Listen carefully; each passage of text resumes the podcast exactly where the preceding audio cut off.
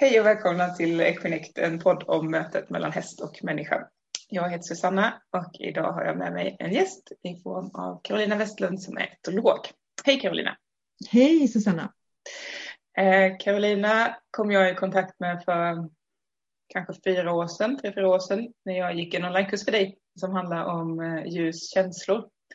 Eh, och det var jättespännande och intressant för dels så fick jag ord för något som jag liksom hade velat kunna prata om innan men inte riktigt hade kunnat prata om.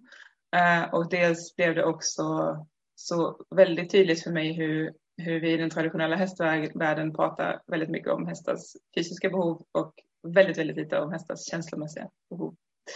Eh, så där var jag jättepepp på att ha med dig eh, i podden så att du kan få sprida din kunskap vidare till, till fler.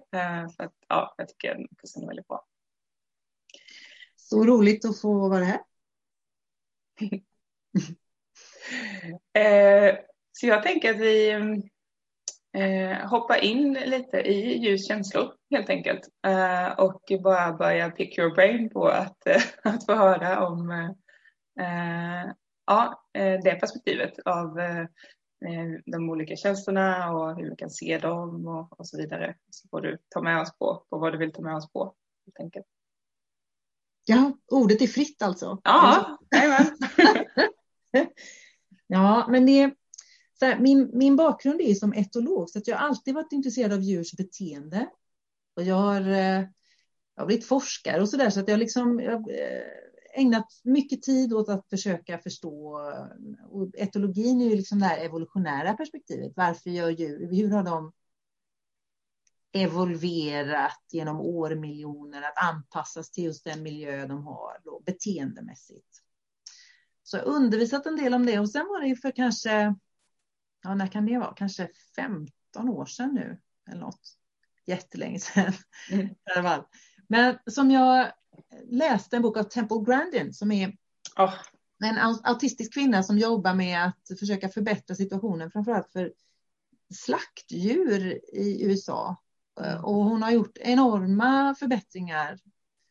Så att det, för att liksom minska traumat i de här sista timmarna i djurens liv. Och, och då pratade hon om om ett ganska nytt forskningsområde som heter affektiv neurovetenskap som är helt enkelt hur, hur, hur ser känslolivet ut? Eh, alltså hjärnan, rent neurologiskt, vad händer i hjärnan när man upplever olika känslor?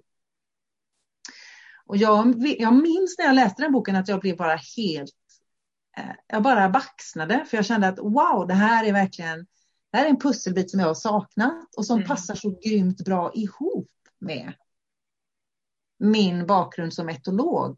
Liksom. Att, ja, men, några av de saker som jag brukar prata om när, när det liksom, för en, inom den tillämpade etologin, där man liksom, men hur kan vi använda de här kunskaperna om djurs beteende? Till att öka välfärd hos djur så har jag pratat i 20-25 år om värdet av att man ser över den sociala miljön och värdet av att man ser över eh, man brukar kalla det för tidsbudget. Liksom, vad, vad gör djuren hela dagarna? Ja, ja. Mm. Hur, hur, ser aktivitetsmönstret ut? Ja, men hur mycket tid ägnar de till att leta efter och äta mat? Till exempel. Och mm. hur, mycket, ja, hur mycket rör de sig, hur mycket vilar de och sådär. Att man liksom försöker att se till att den, den är hyfsat stämmer väl överens hyfsat med, med hur, hur vilda populationer lever. Och sen den, den, tredje grejen som jag också brukar prata om då som etolog, det, det handlar lite om vad gör djur när de blir rädda? Och vilken typ av beteenden visar de och hur kan man i princip det handlar ofta inte om att se till att de inte blir rädda, utan det handlar om att se till att de kan göra rätt beteenden när de blir rädda, så att de själva kan hantera rädslan. Mm. Eh, en, en, apa får klättra upp i ett träd. Eh, det är deras sätt att hantera det här hotet. Eller en kanin ska kunna gömma sig, krypa ner någonstans och liksom komma i ett gömsle och zebror och hästar måste springa. Ja. Liksom. Så vad deras nervsystem behöver för att reglera stressen? Liksom. Ja, men lite så. Och, och då just när jag läste om det här, det var Temple som fick mig på spåren efter eh, Jack Panksepp som är den stora pionjären på det här området kan man säga, som i princip som namngav hela forskningsfältet och han, han blev utskrattad när han började. Kan man säga, rent bokstavligt. För det en av de första grejerna han gjorde var att han på någon, eh, på någon konferens så visade han filmer när han kittlar råttor. Mm. Och så hade han spelat in de ljud, de, för råttor låter en hel massa, det är bara att man hör inte det för det, de pratar i ultraljud. Så då hade han spelat in det med en sån bat detector, alltså okay. fladdermusdetektor. så, man, så man kan spela in och höra ultraljud. Man, man, eh, man modulerar om ljudet så att det blir hörbart. Och då sa han, ja men de har ett särskilt skrattljud Eh, och han kunde också visa att de, när de väl har vant sig vid att bli kittlade så är det något som de uppskattar så att de söker upp handen för att bli kittlade. De får en bättre relation till människan som kittlar dem och så vidare. Det har en massa positiva effekter faktiskt. Så numera så är det vedertaget och man använder det en del inom forskningen till och med för att liksom minska stress i samband med hantering och så av wow. försöksdjur. Men då när han först kom och berättade det här så blev han ju utskrattad. Och han har fortsatt varit kontroversiell i alla år och nu faktiskt nu på sista, senaste åren så är han eh, återigen kontroversiell. Nu har han tyvärr gått bort så han är inte kvar och kan försvara eller förklara sina teorier längre. Så det,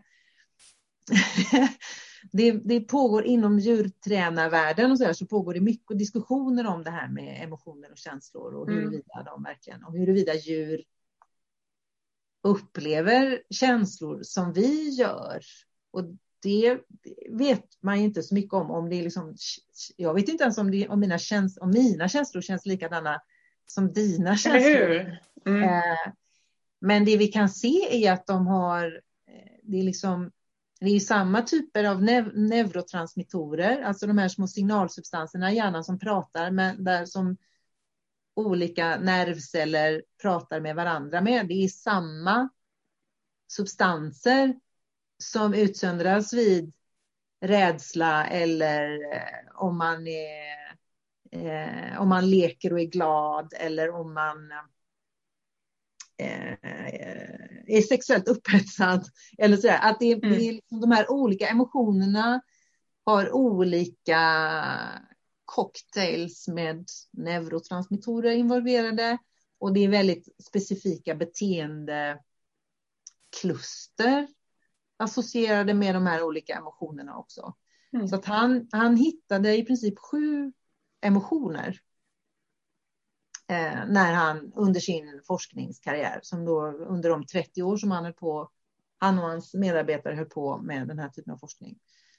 Eh, så att, och det var de som jag som Temple Grandin då skrev och blev oerhört intresserad och började läsa på mer om. Och, eh, och som där, jag har där... att Temple eh, alltså också kände till eh, det. Men det var bland annat därifrån som hon också kunde skapa sina eh, ja, system för kossorna? Ja, det tror jag. Ja, okay. alltså det, det, det, det, är ett oerhört evolutionärt perspektiv bakom de här eh, eller så här, de, de här sju emotionerna går så väldigt lätt att förankra i det evolutionära perspektivet mm. därför att de handlar om överlevnad. Just det. Om, om vi tar de positiva emotionerna så har vi, och, och de, det finns inga bra ingen bra översättning till svenska så vitt jag känner till faktiskt. Jag brukar alltid säga dem på engelska. Du får säga dem på engelska. Du säger dem också på engelska. Ja. Och det är dessutom så att de skrivs ju med versaler så att det känns ju lite som att man skriker när man säger dem.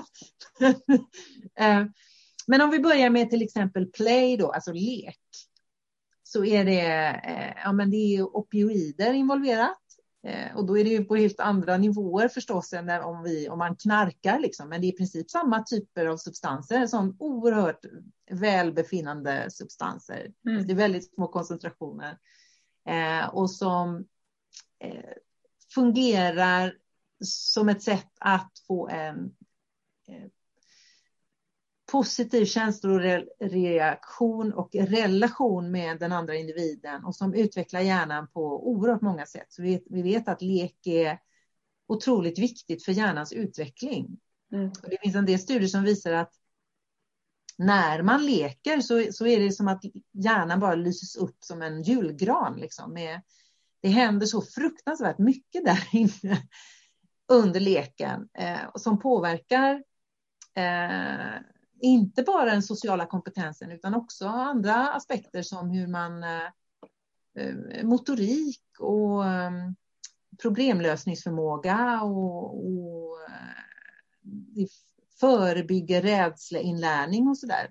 Jag eh, önskar att jag kunde vända på datorn nu för genom mitt fönster så ser jag två hingstfölen som är ett halvår som springer runt och busar och leker här just nu när vi ja. pratar om det här så det är väldigt fint. Ja, men vi vet ju att alltså, och det är en, en grej som är ganska oroväckande kan jag känna när att vi också på humansidan inte minst att vi, vi i mångt och mycket inte förstår vikten av lek för hjärnans utveckling. Mm. Eller den, den, informationen har liksom inte nått ner till gräsrötterna. Eh, och det kan ju till och med vara så att vi tycker att lek är lite besvärat. Nej, men sluta hålla på och hoppa och studsa omkring sådär. Att det, liksom, och det, det ser gulligt ut.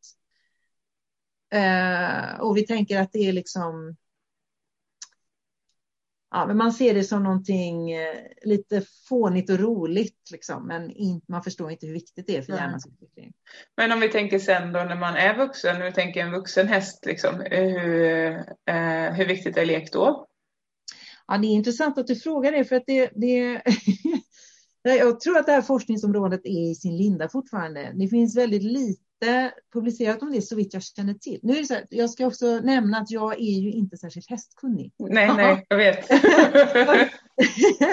det är precis så att det är du och andra av mina studenter som har liksom fått mig att inse lite hur, också hur annorlunda det är att ha en häst i sin liv om man jämför med till exempel hund eller katt. Liksom. Det. Att det, är, det är så oerhört annorlunda. Så att, ja, bara för att liksom vara väldigt tydlig med det att jag inte är någon utpräglad mm. hästperson. Eh, så det man vet om lek är att det oftast är, det är mycket vanligare hos ungdjur än hos mm. vuxna djur.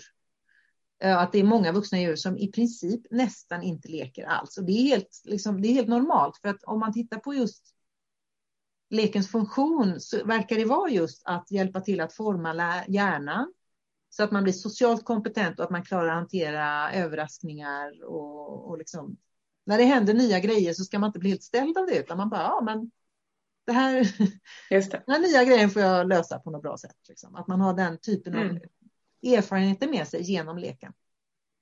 Så att det, det är det första, att man förväntar sig mindre lek hos vuxna djur. Och sen vet jag att jag hittade en studie som visade att vuxna hästar som lekte var mer stressade. Och då vet jag att jag pratade om den i den där kursen som du nämnde, mm. Emotions, och att ni bara, nej men så är det inte alls. Eh, och då gick jag tillbaka och läste den här artikeln igen. Och, så, så, och när man väl läser artikeln ordentligt så visar det sig att ja, men de där hästarna, de var ju stod ensamma i sina boxar hela dagarna. Mm. Eh, så det är en diskussion som jag, där har jag lärt mig mycket om mina studenter, att det beror ju helt på hur man håller hästen. Hur, hur mycket de leker tror jag. Mm. Tittar jag lite frågande på det. Jag mycket mer om det än jag. ja. Men, men just att, det, att lek, både lekfrekvensen och hur leken ser ut och kanske också lekens funktion ja. beror lite på hur resten har det. Och att det säkert är så att om man får en box hela dagarna så bygger man upp någon slags frustration och då eh, kan leken vara ett sätt att, att pysa den ventilen lite grann. Mm. Ja, men, precis. men om man ja, om man är ute för det mesta eller någon slags lösdrift, man hänger med sina kompisar hela dagarna så har leken en helt annan funktion. Mm, mm. Ja, och jag kan ju se det här, alltså dels beroende på, på miljön och settingen, liksom är det, är det en, eh, alltså i, i hela flocken så ligger ju lek en, ganska nära till hands om det är också en spänning i luften. Säg det blåser massa eller någonting händer och så är det någon som gör någon liten grej och så tar de andra det som en så här, ja men vi, vi springer lite och sen busar vi och sen får vi ut energin så. Liksom. Ja. Eh, så, Medan vissa individer runt mig är ju mer, alltså leker också när de är lugna, alltså typ som, som Goldeneye då, som kan ja, vilja hoppa och busa och leka tafatt och sådana grejer. Och det behöver... nya följlek? Nej, nej Goldeneye är, alltså Goldeneye är nordsvensken. Ja. Eh, från filmerna. Och, eh, men Sky då, fölet, hon leker Ja. ju alltid. Eh, Ja. hon, eh, hon är som ett, halvår då. Eh, hon, Ja. hon har ju det väldigt ser en stor nära. skillnad på att ungdjur, fölet leker mycket mer än de vuxna? Ja, absolut. absolut. Eh, och till och med liksom, om, man, om hon ska springa så springer hon inte bara utan hon skuttar om hon leker. Liksom, man ser det verkligen på hennes galopp att den inte är så här, det är inte för att ta sig fram utan det är för att Nej, studsa det. fram. Liksom. Ja. Mm. Det är också det är, det är den typen av liksom hoppig, studsande flykt eller liksom springbeteende ser man ju väldigt ofta hos flyktdjur. Eh, bytesdjur, just att de Okej. måste liksom öva sig på det här med hur, om de har ett lejon efter sig, hur Ja. ska man springa då? då? Då måste man röra sig ganska oförutsägbart. Ah, ja. Ah. Eh, Så det, det är ganska vanligt hos flyktdjur att man ser det där under lek. Så återigen, leken handlar mycket om att liksom öva sig på beteenden som är bra. Och det är inte bara... Hos många djur så, är det ju, så ser man mycket lekslagsmål. Mm. Att de liksom de slåss under leken. Och det, man trodde länge att det handlade om att öva sig på att slåss, just att bli bra på att slåss. Men det, det, det tror man inte längre att det är det som är huvudanledningen till att djur slåss. Även om det givetvis är så att de får liksom en allmänt ökad social kompetens och de är bättre på att läsa signaler från den andra. Och, eh, ja, bättre, blir bättre på att leka genom att leka. Mm. också. Mm. Eh, Men nu kanske vi då ska gå vidare från lek med tanke på tid och så vidare. Ja. Så vi lämnar lek. Ja. ja. Det känns som att jag började med att säga något om de positiva känslolägena och sen så kom jag in på lek väldigt länge. Men Ja. Men, om vi tittar på de andra positiva känslolägena så har vi till exempel um, seeking som är då när, eh, sökande kanske man kan säga på svenska. Där djuren eh, visar explorativa, undersökande beteenden. De eh, eh, sniffar, tittar, gräver, letar. Det är liksom olika, och det ser väldigt olika ut beroende på vad det är för art förstås. Men det är i princip de beteenden som associeras med att leta efter resurser. mm. Eh, hundar eh, sniffar mycket. Vad skulle du säga är ett typiskt seeking-beteende hos häst? Ja, men hä- hästar eh, gillar ju också dofter, eh, så särskilt då andra, andra hästars bajs. Ja. Eh, hade en jättebra setting här när jag tränade två unghingstar, eller ja, Anna Hjelmroth var här och vi tränade två unghingstar och med lastsituation och så kom vi ur eh, transporten för det var fronturlastning och så hade vi utan att tänka på det satt den precis vid gödselstaden. Eh, så hästarna kom ur och var liksom lite så här uppe i arousal. Eh, och så kom vi till gödselstaden och båda var Åh, massa saker att lukta på. och så bara gick runt där och luktade. Och, ja. Ja. så. Ja, men just det, skaffa sig information om, eh, om omgivningen på något vis. Mm. Eh, och, det, och det är också möjligen så att hästar, om man tittar på hur hästar äter, så har de liksom mindre behov av att leta efter mat. Om man, om man jämför med en, en fruktätande apa till exempel, som ju måste i princip leta rätt på rätt fruktträd.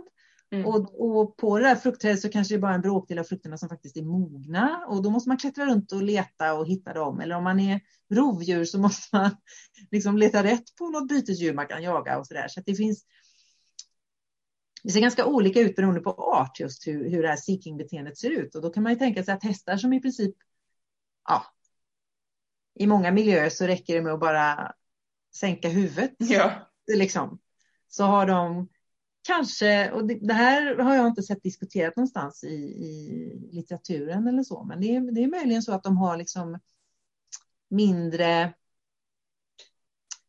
ska inte säga mindre utvecklad seeking-system, men kanske mindre utvecklad tolerans för frustration också.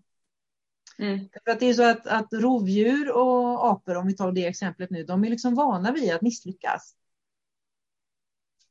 Ja, men jag har inte, vad, vad intressant att du är inne på det, för jag har inte heller förstått kopplingen varför, varför vi inom klyckevärlden av hästar har eh, har ett mycket större problem med frustration än, än man har i hundvärlden till exempel. Ja. Men just det, det är ju för det låter som en jättesannolik koppling att Ja, jag jag, vid att... jag tror att det skulle kunna vara lite så att Ja. om, man är, om man är hund eller liksom hunddjur, rovdjur, då jagar man, eh, eller, eller katt, katt, där kan jag åtminstone data någorlunda. Räknar, man räknar med att de jagar, eh, liksom gör hundra utfall på en dag kanske och fångar någon bråkdel. Någon, liksom, de, det är en av hundra jakter som går bra, eller upp till 10 procent kanske om de är riktigt duktiga liksom, och så har en bra dag.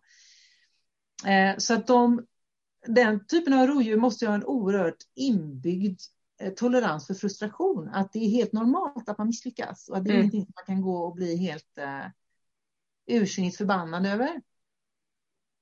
Eh, Medan en häst har liksom inte med sig den inbyggda toleransen mot frustration eh, på samma vis, tänker Nej. jag. Nu. Ja, men jag absolut. spekulerar bara här, för Ja. jag har liksom inte läst om det någonstans, men det, det skulle kunna vara så att de Mm. har liksom den...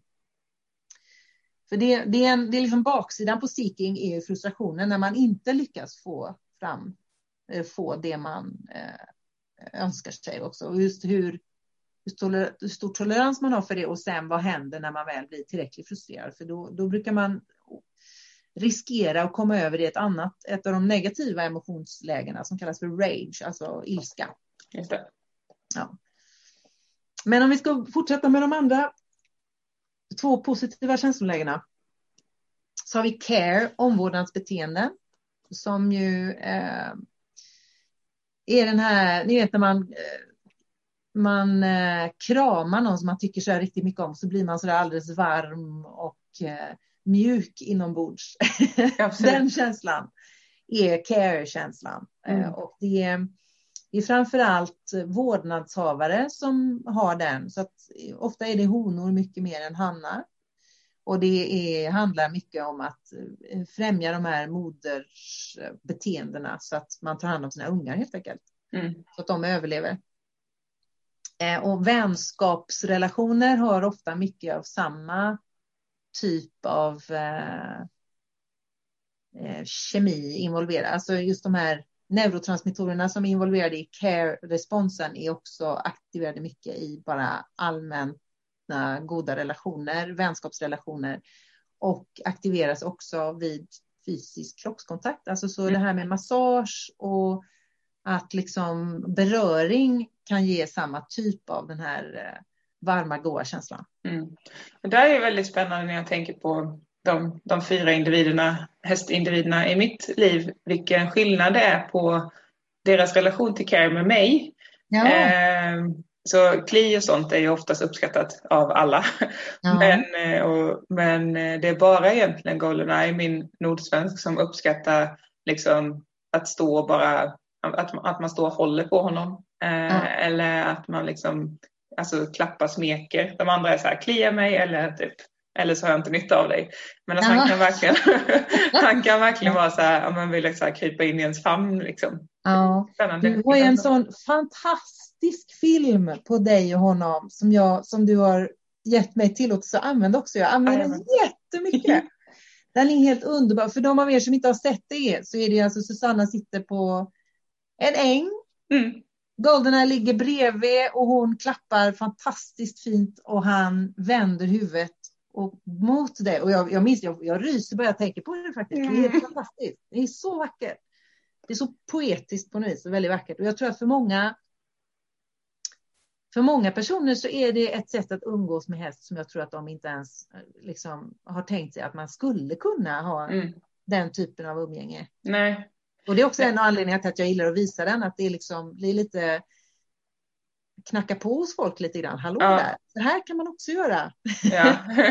Ja. Ja, och, och där, ja, men, ja tack. Jag tycker det är jättefint att du tycker filmen är så fin och jag tycker Ja. också att han är så fin så att det är roligt att ta Ja, ja, det, den är verkligen, det är en sån riktig guld, guldklimp till liten film. Ja. Vis- Visste du det när du filmade den? Att det här, kände du det på dig, att det här blir grymt bra?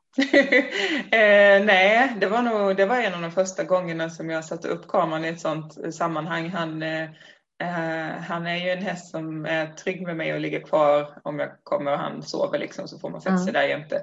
Men så tänkte jag att ja, men jag kan bara liksom sätta mig där och se, se vad, vad som händer om man gosar. Mm. Och då var det så gosigt när han liksom bara så här, kom tillbaka in i famnen och bara så. Ja, det var underbart. Mm. Ja. Men, eh, men spännande också att fundera på hur det då kommer sig att, och nu ska vi inte stanna vid det, men, men min hjärna går igång lite på hur det kommer sig att vissa individer då eh, vill vara mer i, eller connecta mer i care-energin med medan andra inte gör det. Um, men du, det finns ju en del intressant forskning på katt här. När mm. man, har, man tar ett gäng små kattungar och så håller man på att klappa och gosa med dem på ett mysigt, alltså inte så här nu ska jag våldsklappa dig i en timme.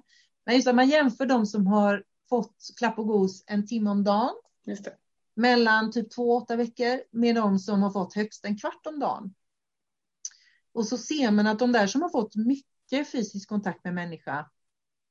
Det blir ju den typen av katt som sen när de är vuxna kommer fram, hoppar upp i knät, spinner och lägger sig och somnar i knät. Mm. Och de som bara har haft 15 minuter om dagen, de blir den typen som kommer fram, gör en sån där eh, cheek rub, vad heter det, kind, du vet, ja. gnuggar kinden mot en sån doftmarkering. Och så går de iväg liksom. Så att de, de är fortfarande sociala och säger hej. Så det är inte så att de blir rädda, utan de har bara inte så jättestort intresse av att liksom, bli så där fysiskt nära med mm. människor. Mm. Så för att bolla frågan tillbaka till dig, kan du se med liksom det, den bakgrund som dina hästar har? Ja. Skulle det kunna förklara varför de har olika intresse av fysisk närhet? Ja, men det skulle det nog. Jag har inte känt någon av dem som föll. Mm. Eh, så, så Golden köpte jag när han var fyra och de andra när de var något år äldre. Så, så den, men jag kan tänka mig utifrån hur de levde eh, att han fick mer eh, gos och socialt så. Mm. Och sen är han, är han också den som har varit med mig längst. Så jag vet inte om det också kan ändras under tiden så. Att, mm. Alltså vår, vår gemensamma historik är mycket större än de andra ja. hästarnas. Det är eh. säkert så att det alltså inget. Jag tror det här, det här med att vi ofta säger att personligheter är något som man liksom. Han är så eller hon är på det där viset att personligheten är fix liksom. Jag tror att, och det, jag känner att forskningen har väl kanske inte riktigt kommit ikapp där riktigt än. Det är några som antyder det, men det är, det är liksom inte så här vedertaget än. Det är ju att jag tror att, att personligheten är ganska flexibel egentligen. Mm.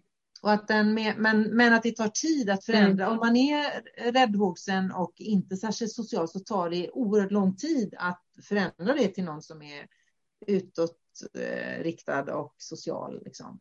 Men att det går. Mm. Det tar tid, men det går. Men, och anledningen till att vi oftast inte ser den förändringen, det är att man är kvar i samma miljö som skapar den personligheten. Ja, men just det, det är klart. Ja. För personligheten är ju något som skapas genom, dels liksom genom de gener man föds med, men generna kommer ju till uttryck olika beroende på vad, vad miljön ger för feedback.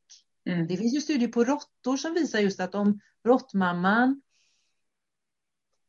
tar hand om sina ungar mycket och slickar dem mycket när de är bebisar, då växer de upp och blir eh, modiga och kaxiga och liksom eh, har mycket, comfort, mycket självförtroende och är liksom ute och undersöker miljön och sådär. Och det har mamman bara, hon har bara ro att göra det om hon är lugn. Ah, okay. Men om mamman är stressad, då tar hon mycket sämre hand om ungarna. Och då vet man numera att det sker epigenetiska effekter. Man vet precis vad det är för en, en um, genetisk, eller förlåt, en, det är alltså inne i cellerna på DNA-nivå så vet man vad det är för typ av mekanism som gör att det är vissa gener som inte slås på, som borde slås på mm. och som gör att när de här ungarna växer upp sen så blir de räddhågsna. De blir rädda, de blir eh, försiktiga och väldigt lättstressade. Mm. Det kan man ju tycka är oerhört märkligt det här, men det är ju egentligen jättebra därför att om mamman är trygg, då är miljön trygg. Mm. Om, om mamman är otrygg, då är miljön otrygg och då är det så att om man vill överleva i den här miljön, då måste man vara försiktig. Mm. Att man eh, helt enkelt om man vore en sån där modig och kaxig individ som bara sprang ut så skulle man bli uppäten. Ja. I den där Ja, farliga men spännande hur allting hänger ihop så. Ja. Ja, så det, och det, det är återigen det här care-systemet då, att om care-systemet är nedreglerat så att hon inte kan ta hand om så bra om ungarna, då får man den otroligt tydliga effekten. Och det, så att det mammans omvårdnadsbeteende påverkar personligheten något alldeles kopiöst. Mm. Eh, och, det här är, och det vet man sker redan i fosterlivet, ju. alltså redan eh, i magen sker det, men det sker också efter födseln. Mm. Spännande. Oj. Ja, så mycket spännande saker. Ja. Mm. Ja, eh, ska vi se, har vi, nu har vi pratat om seeking, vi har pratat om care, vi har pratat om play. Lust är då eh, sexuell upphetsning och lust förstås, och som ju, eh, ju är ett positivt känsloläge så tillvida att det känns bra innan man blir alltför frustrerad. Eh, eh, och det är ganska också att vi människor måste hantera det lite olika beroende på om vi har honor eller hannar. Det är lite olika. Ja, men vissa djurslag där eh, de har ju en årlig brunst liksom. Och andra där är det mer att honan har en regelbunden uh, brunstcykel, kanske på en månad eller så. Mm. Eller ett par månader. Och, uh, och hannarna är mest bara, de, de går på yttre stimuli. Att finns det några brunstiga honor i närheten eller inte? Så, så det är mycket om att för honorna är ofta mycket inre processer, hormoner som mm. styr deras sexuella beteende och för hannar är det yttre faktorer mm. som styr deras sexuella beteende.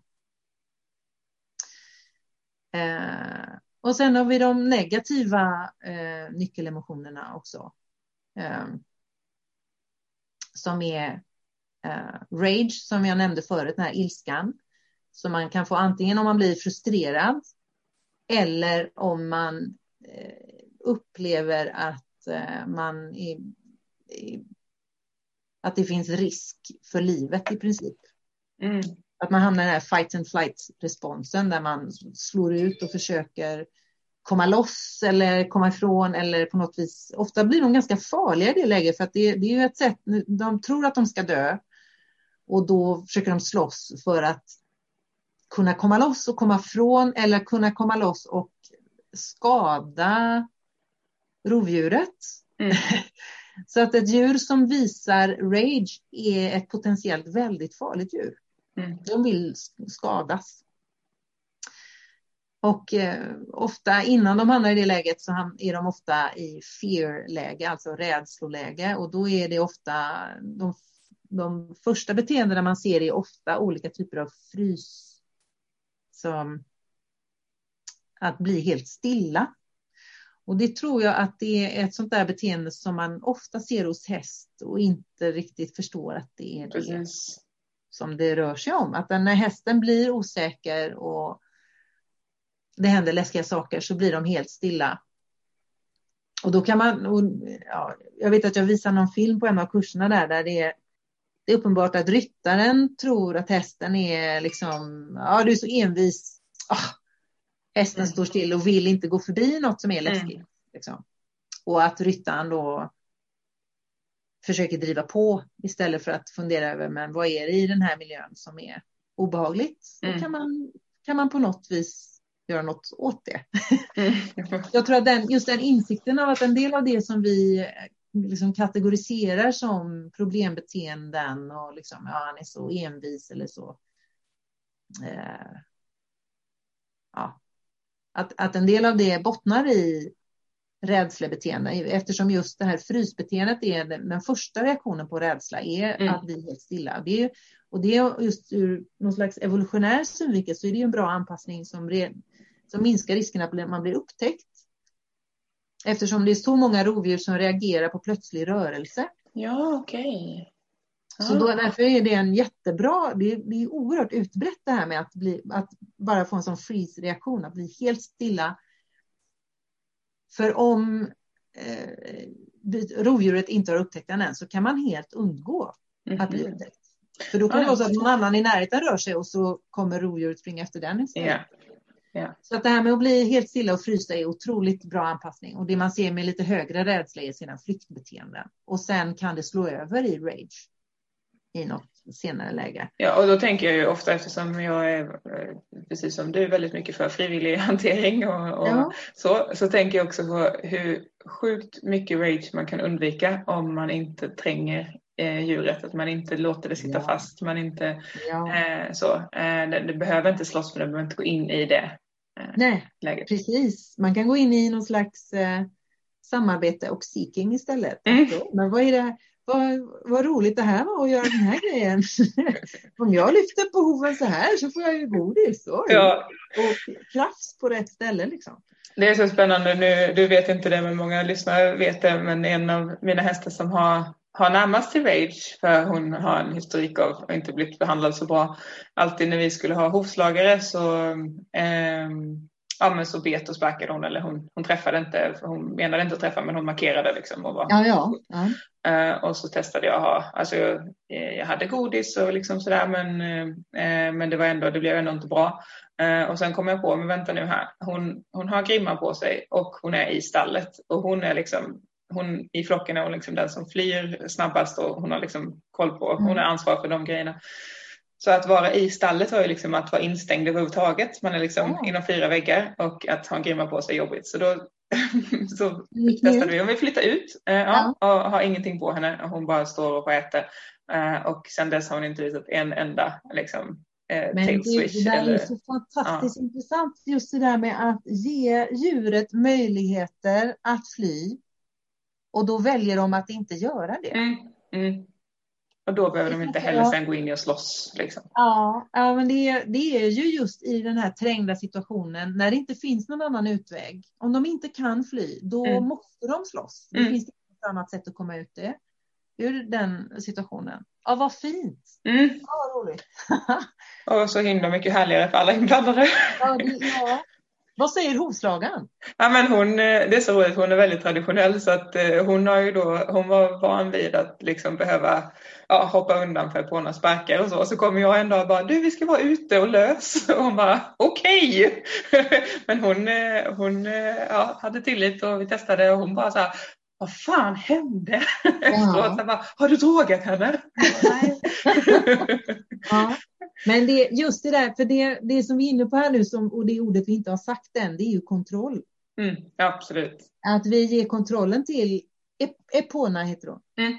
Ja, att vi ger kontrollen till Epona. Vi säger, vi har lust att göra det här med dig nu. Eh, och, och om du inte vill det, då kan du bara gå härifrån. Mm. eh, men då är det ju ofta så att samarbete är roligare och mer eh, Mm.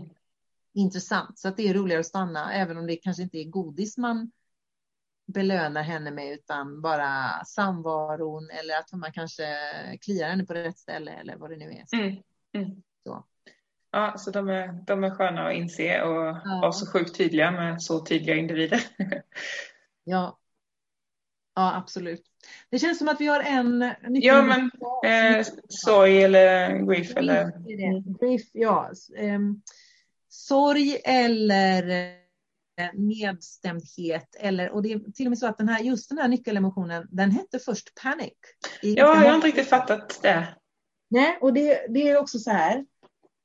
Att det är panic, det är så här, det är Panksepp, alltså den här mm, forskaren, han har ju hittat på alla de här namnen på de olika eh, emotionssystemen.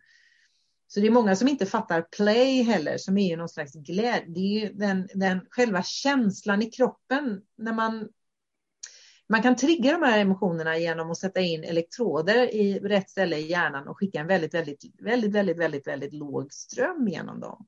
Och när man gör det i play-regioner så säger människor, och jag känner mig så lycklig. Jaha. Så det är glädjekänslan som bor i, i play. Mm. För att återgå till den sista här, grief, som då från början kallades för panic. Därför att det, eh, det är som, han börjar med att studera det här i unga djur.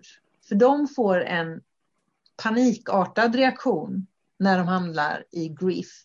Det. Eh, för det handlar om separationer, det handlar om sociala separationer för unga djur framför allt. Eh, eller eller det, det, den ser väldigt annorlunda ut hos ungdjur. Att om, om ett ungt djur får sin grief-reaktion om man eh, sänder en ström genom elektroden i ett ungt djur så får man höga vokaliseringar och eh, en massa och jag är van att prata engelska i de här termerna, agiterade, alltså ja, eh, uppjagat, springa runt och låta högt. Mm. Helt enkelt, mamma var är du? Är det i princip. Därför att för väldigt många ungdjur så är det i princip livsfarligt att vara själv. man man liksom komma bort ifrån eh, säkerheten och så där. Så att man får ett väldigt uppjagat, högljutt liten bebis som letar efter mamman.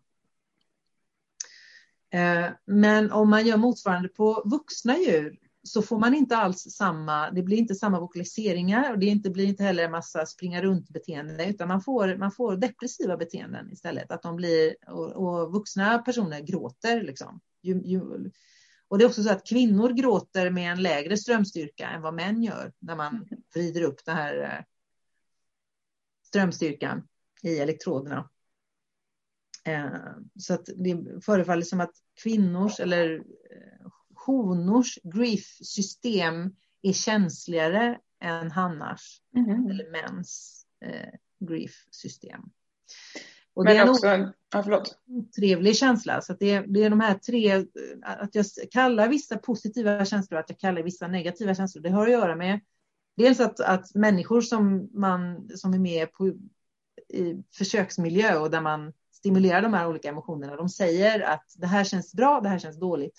Det är också så att när man ber djur, man ger djur knappen till elektroden så att de kan antingen trycka på den för att stimulera eller de kan välja att inte trycka på den för att, eller trycka, till och med stänga av den.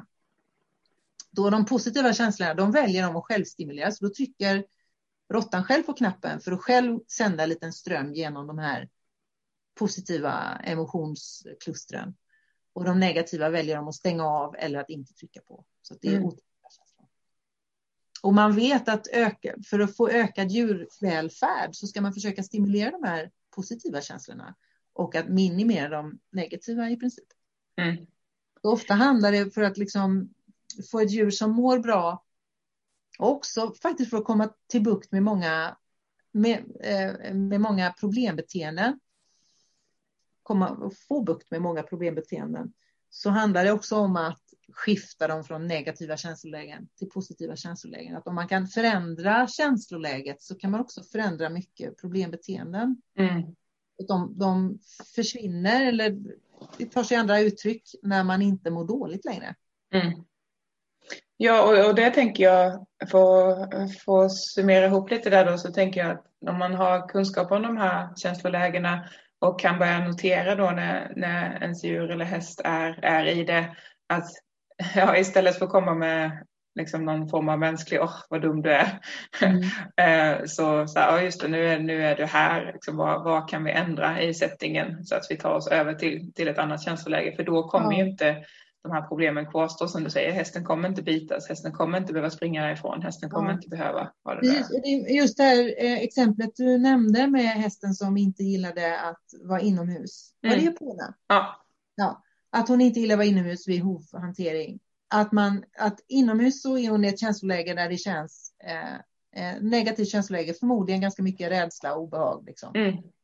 Och det behöver inte vara just det här fear, utan bara en allmän obehagskänsla. Det, eh, men utomhus så är hon inte i det känsloläget, så då blir det helt andra beteenden som syns i den kontexten. Mm. Eh, så det, det är ju tycker jag väldigt intressant just att jobba med att, att man funderar kring vad, det, vad är det för ett, vad har djuret för ett, eh, för ett mood, um, alltså vad man är för humör, eller vad, vad, säger man på svenska? Mood handlar just om att det är liksom en förlängt känsloläge som, som dröjer. Så stämningsläge lite mer. Stämningsläge. Ja. Eh, över tid liksom. Eh, och att man genom att förändra det stämningsläget eller känsloläget över tid så får man en annan, helt annan beteenderepertoar. Ja. Mm. Häftiga grejer. Mm. ja, det finns ju eh, tusen olika saker jag skulle kunna tänka mig att dyka vidare in i här. Men ehm, eh, vi, vi, ska också börja avrunda på grund av, av, tid. Men har du någonting mer som hänger kvar av det som, som vi har varit inne på som känns som, eh, ja, som du plocka i? Nej, inte mer än att jag tycker det är väldigt intressant att se att det, det sker. Jag tror att vi är mitt i någon slags paradigmskifte mm. när det gäller hur vi ser på djur. Att den här insikten om att när man fastän djur har ju också känslor. Och inte minst insikten om att känslor och emotioner har en jättestor effekt på beteende.